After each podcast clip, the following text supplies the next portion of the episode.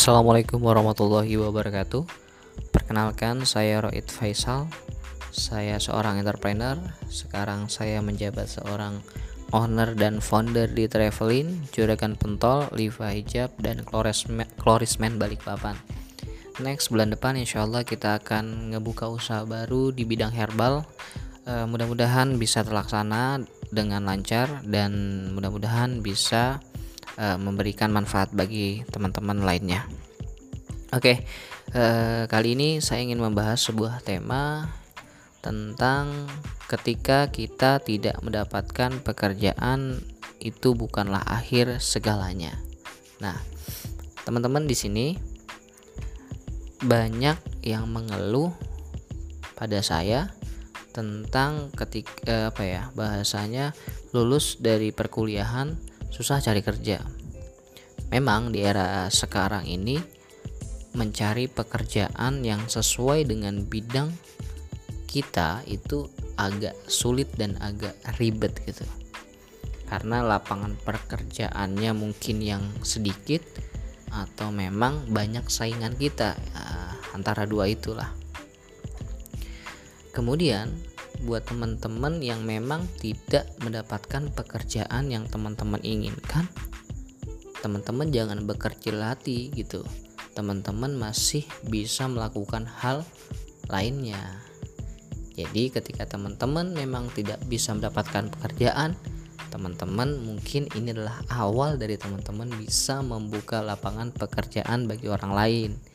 Jadi teman-teman tetap semangat tetap berjuang. Nah saya akan membagi tips beberapa hal untuk teman-teman semua yang mungkin bisa teman-teman lakuin nih. Nah, yang pertama itu kita harus mengasah skill kita. Nah, skill apa itu gitu? Skill itu banyak sekali gitu loh di luaran sana yang memberikan apa? pembelajaran tentang hal-hal baru, uh, soft skill, maupun hard skill itu banyak sekali gitu. Kan teman-teman sekarang ini uh, hidup di era yang memang agak susah untuk mencari pekerjaan. Bukan era di zaman orang tua kita mungkin di tahun 1900-an itu menjadi seorang PNS aja itu mudah pada zaman itu bahkan untuk menjadi PNS aja itu tidak didambakan pada saat itu. Tapi sekarang menjadi rebutan orang banyak. Karena yang pertama mungkin gajinya agak agak lumayan besar. Kemudian ada tunjangan hidup sampai hari tua. Itu yang menjadi salah satu e, banyak anak muda yang pengen menjadi seorang pegawai negeri sipil. Pada zaman itu di 1900-an memang tidak tidak seenak sekarang menjadi seorang PNS makanya PNS tidak diminati pada zaman itu tapi sekarang banyak diminati. Nah tapi eh, sekarang susah sekali untuk menjadi seorang pegawai negeri sipil. Saingannya bahkan ratusan ribu. Jadi teman-teman ketika tidak tidak apa tidak masuk atau tidak menjadi menjadi uh, apa yang teman-teman inginkan. Jangan berkecil hati teman-teman masih punya uh, jalan panjang. Nah, tadi tentang uh, kita kembali ke asas skill ya. Jadi ketika teman-teman masih belum mendapatkan pekerjaan teman-teman jangan rebahan aja. Teman-teman ngelakuin sesuatu hal yaitu mengasah skill teman-teman. Nah mungkin teman-teman minat dan hobi di bidang contoh nih di bidang menggambar kemudian di bidang editing video kemudian ada desain grafis fotografer dan lain-lainnya lah. Intinya banyak sekali skill di luar sana yang bisa teman-teman pelajari. Nah kira-kira teman-teman ini minat di mana nih skill teman-teman nih? Teman-teman contoh saya ambil contoh teman-teman suka desain grafis nih. Teman-teman suka desain grafis tapi teman-teman belum memiliki skill uh, yang memadai nah teman-teman bisa tuh ngasah skill. Nah teman-teman bisa ngasah skill di mana? Ngasah skill itu banyak tempat bahkan gratisan itu di YouTube banyak sekali. Jadi teman-teman bisa mengasah skill di YouTube uh, ataupun kelas-kelas online yang mungkin bisa memfasilitasi teman-teman untuk bisa menjadi seorang profesional di bidang desain grafis seperti itu. itu contohnya ya teman-teman bisa kembangkan sendiri. Kemudian teman-teman bisa oh, sorry uh, kita lanjut yang kedua yaitu berjejaring kita kita cepat aja ngejelasinnya. Berjejaring ini maksudnya adalah teman-teman membangun suatu jaringan membangun silaturahmi ke orang-orang yang mahir dan profesional di bidang teman-teman sukai maksudnya di bidang uh, skill tadi. Misalnya skill desain grafis teman-teman gabung tuh di komunitas-komunitas tentang desain grafis. Kalian uh, teman-teman akan gabung tuh dengan orang-orang yang memang hobi dan suka di desain grafis. Akhirnya teman-teman makin tambah ilmunya. Teman-teman uh, di situ belajar sharing segala macamnya. Gimana sih menjual desain atau mungkin apa pun itulah intinya di situ diisinya adalah orang-orang profesional dan orang-orang yang suka. Jadi teman-teman akan berkembang gitu akan memiliki ilmu yang lebih akan dapat pembelajaran yang lebih. Nah teman-teman bisa berjaring. Nah untuk asas skill dan berjejaring ini sebetulnya ketika teman-teman tidak e, membuka usaha atau teman-teman cuma pengen ilmu ini untuk e, bekerja sebetulnya juga sangat bisa gitu loh. Jadi makanya teman-teman harus ngelakuin ini gitu loh. E, bisa dibilang wajib sih. Jadi teman-teman mungkin bisa aja ketika teman-teman e, masuk di perusahaan tertentu yang memang perusahaan tersebut e, membutuhkan desain grafis.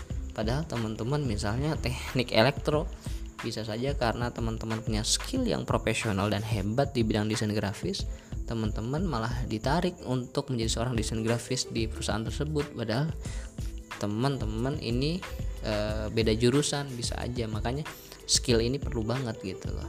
Skill ini perlu saya anjurkan sangat-sangat perlu dikembangkan. Seperti itu. Nah ketika teman-teman sudah berjejaring uh, teman-teman udah hebat mahir segala macamnya teman-teman uh, yang ketiga itu teman-teman bisa ngebuat usaha prototipenya. Jadi karena teman-teman udah melewati uh, dua hal tersebut teman-teman bisa membuka usaha. Contoh kita masih ke desain grafis. Teman-teman uh, udah skillnya bagus jaringannya udah bagus. Nah sekarang saatnya teman-teman ngebuka usaha. Misalnya contoh uh, di kos-kosan atau di rumah teman-teman sendiri jasa uh, percetakan atau jasa editing apa jasa pembuatan logo jasa apa pun itu yang masih di dunia desain grafis.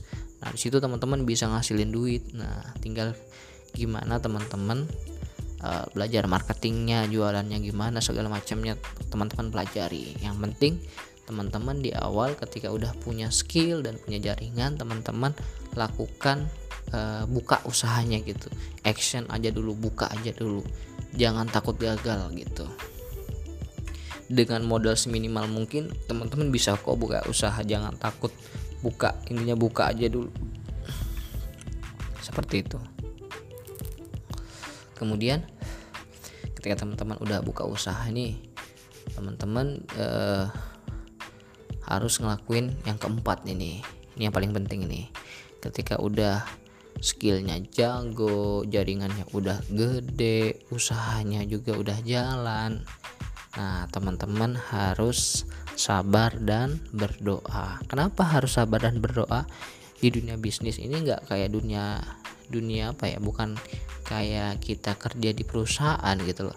Bisa aja kita kadang-kadang omset turun kadang-kadang omset naik.